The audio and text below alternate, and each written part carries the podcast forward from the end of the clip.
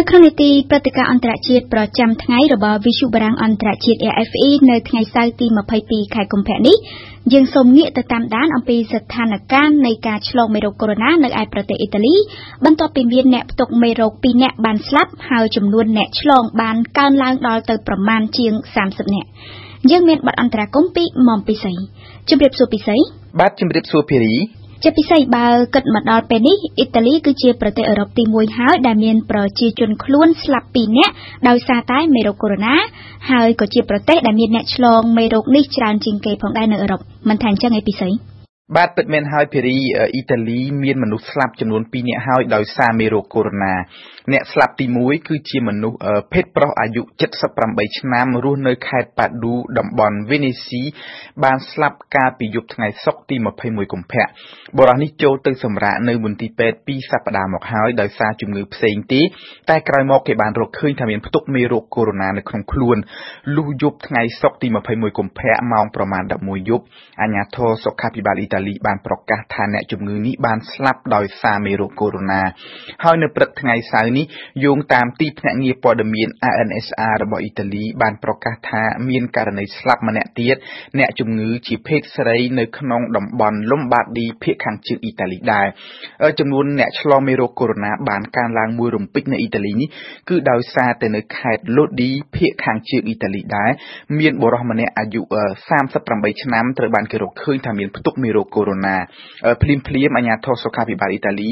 បានធ្វើតេស្តពិនិត្យមនុស្សផ្សេងទៀតដែលបានជួបប្រាស្រ័យជាមួយនឹងបុរសនេះយោងតាមព័ត៌មានចុងក្រោយនេះភេរីបុរសនេះបានចម្លងមេរោគកូវីដ -19 ទៅឲ្យប្រពន្ធខ្លួនដែលមានផ្ទៃពោះ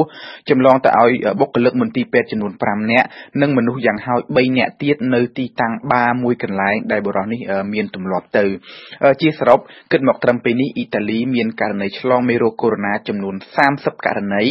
ដោយសុទ្ធតែនៅតំបន់ភាគខាងជើងក្បែរទីក្រុងមីឡង់ដែលជាទីក្រុងធំទី2របស់អ៊ីតាលី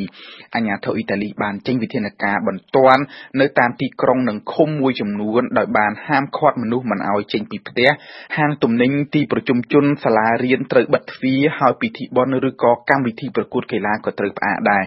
ដំណឹងទាំងអស់នេះភារីវាបានធ្វើឲ្យមានបរិយាកាសភ័យខ្លាចនៅក្នុងចំណោមប្រជាជនអ៊ីតាលីតែយ៉ាងណាលោកនាយករដ្ឋមន្ត្រីអ៊ីតាលីបានអំពាវនាវកុំឲ្យប្រជាជនភ័យហួសហេតុព្រោះការបិទគប់ទីក្រុងគឺជាវិធីតែមួយគត់ក្នុងការរារាំងមេរោគកុំឲ្យរាលដាលហើយអាជ្ញាធរកំពុងតែតាមដានយ៉ាងយកចិត្តទុកដាក់បំផុតពិសេសតើអាជ្ញាធរសុខាភិបាលអ៊ីតាលីបានតាមដានដឹងអំពីប្រភពថាមេរោគកូវីដ -19 ដែលមានប្រភពនៅទីក្រុងវូហានប្រទេសចិននេះបានឆ្លងទៅដល់ប្រទេសអ៊ីតាលីដោយរបៀបណាហើយឬនៅពិសេសបាទនៅទីពេរី គេកំពុងតែស្វែងរកអ្នកផ្ទុកមេរោគដំបូងគេបង្អស់ក្នុងករណីបុរសអាយុ38ឆ្នាំនៅខេត្តលូឌីដែលបានឆ្លងទៅមនុស្សជាច្រើនអ្នកនោះត្រូវគេសង្ស័យថាបានឆ្លងពីមនុស្សម្នាក់ទៀតដែលទំនងជាអ្នកនាំមេរោគនេះមកពីប្រទេសចិនបុរសអាយុ38ឆ្នាំនេះធ្វើការនៅក្នុងក្រុមហ៊ុន Unilever ដែលជាក្រុមហ៊ុនអន្តរជាតិមួយដ៏ធំបុរសនេះមិនបានធ្វើដំណើរទៅប្រទេសចិនទេក៏ប៉ុន្តែកាលពីថ្ងៃទី1កុម្ភៈបុរសនេះបានជួបបាយថ្ងៃត្រង់ជាមួយនឹងអ្នករួមការងារម្នាក់ជាជនជាតិអ៊ីតាលីដែរដែលទើបតែមកពីប្រទេសចិនឥឡូវគេកំពុងតែស្វែងរកមនុស្សដែលទើបតែមកពីប្រទេសចិននោះព្រោះមនុស្សនោះអាចជាអ្នកផ្ទុកមេរោគកូវីដ -19 នោះដំបូងគេបង្អស់តាមការឲ្យដឹងបុរសនោះរស់នៅខេត្តផ្ទះសិនសាជាប់នឹងខេត្តលូឌីដែរអ្វីដែលជាការព្រួយបារម្ភបំផុតរបស់អាជ្ញាធរអ៊ីតាលីគឺអាជ្ញាធរលើកឡើងថាគឺគេសង្ស័យថាអ្នកផ្ទុកមេរោគនេះអាចចម្លងទៅមនុស្សផ្សេងទៀតទាំងដែលខ្លួនគ្រាន់តែផ្ទុកមេរោគតែមិនទាន់ចេញជារោគសញ្ញាឬអាការៈជំងឺឡើយមានន័យថាលទ្ធភាពឆ្លងទៅអ្នកផ្សេងអាចមានកាន់តែច្រើនព្រោះអ្នកផ្ទុកមេរោគមិនដឹងខ្លួនថាផ្ទុកមេរោគទេចំណែកករណីបុរសអាយុ78ឆ្នាំដែលទើបតែស្លាប់កាលពីយប់ថ្ងៃសុក្រនៅតំបន់វេនីស៊ីគឺវាកាន់តែគួរឲ្យព្រួយបារម្ភនិងមានការងឿងឆ្ងល់ដោយសារតែបុរសចំណាស់នោះមិនធ្លាប់បានធ្វើដំណើរទៅប្រទេសចិនហើយក៏មិនមានទំនាក់ទំនងប្រាស្រ័យប៉ះពាល់ជាមួយអ្នកណាដែលធ្វើដំណើរមកពីប្រទេសចិនដែរនេះបើផ្អែកតាមសម្ដីរបស់មន្ត្រីជាន់ខ្ពស់អ៊ីតាលីម្នាក់ត្រង់ចំណុចនេះភារីគឺធ្វើឲ្យអាជ្ញាធរអ៊ីតាលីកាន់តែបារម្ភព្រោះវាមានន័យថាបុរសនេះឆ្លងពីអ្នកផ្សេង ដែលគេមិនទាន់ស្គាល់អត្តសញ្ញាណនិងដែលមិនទាន់មានអាការៈជំងឺ មានន័យថាវាប្រកាសជាមានអ្នកឆ្លងច្រើនអ្នកផ្សេងទៀតមិនខានទេ ដល់ឡែកអាញាធរអ៊ីរ៉ង់ក៏ទើបតែបានប្រកាសនៅថ្ងៃនេះដែរថាមានអ្នកស្លាប់ដោយមេរោគកូវីដ -19 ម្នាក់ទៀតដែលធ្វើឲ្យចំនួនអ្នកស្លាប់ដោយមេរោគនេះមានចំនួន5នាក់ហើយនៅក្នុងប្រទេសអ៊ីរ៉ង់នៅកូរ៉េខាងត្បូងឯណោះវិញកាលពីថ្ងៃសុក្រម្សិលមិញអាញាធរក៏បានបញ្ជាក់ថាមានផ្ទុះការឆ្លងថ្មីបន្ថែមដល់ទៅ142ករណីដែលធ្វើឲ្យកូរ៉េខាងត្បូងមានអ្នកឆ្លងសរុបដល់ទៅជាង446នាក់ ជាមួយនឹងករណីថ្មីនៅអ៊ីតាលីនេះតើយើងអាចនិយាយបានទេថាមេរោគកូវីដ -19 កំពុងតែរីកសាយភាយយ៉ាងខ្លាំងនៅក្រៅប្រទេសចិនពិសេស បាទភារីទោះចង់មិនចង់ដំណឹងនៃការឆ្លងរាលដាលនៅតាមប្រទេសផ្សេងក្រៅពីប្រទេសចិនដែលចេះតែកើនឡើងច្រើនឡើងច្រើនឡើងនេះគឺវាបានធ្វើឲ្យមានការព្រួយបារម្ភនិងការភ័យខ្លាចលោកប្រធានអង្គការសុខភាពពិភពលោកបានថ្លែងកាលពីថ្ងៃសុក្រម្សិលមិញថាដំណាក់កាលនេះយើងនៅអាចទប់ការឆ្លងរាលដាលបានក៏ប៉ុន្តែ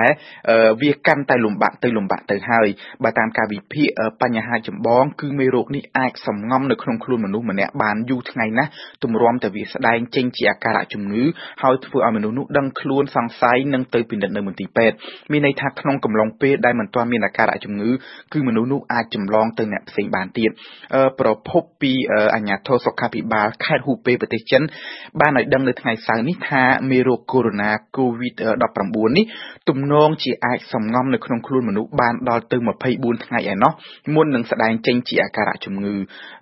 បុរសជនជាតិចិនអាយុ70ឆ្នាំម្នាក់នៅខេត្តហ៊ូពេ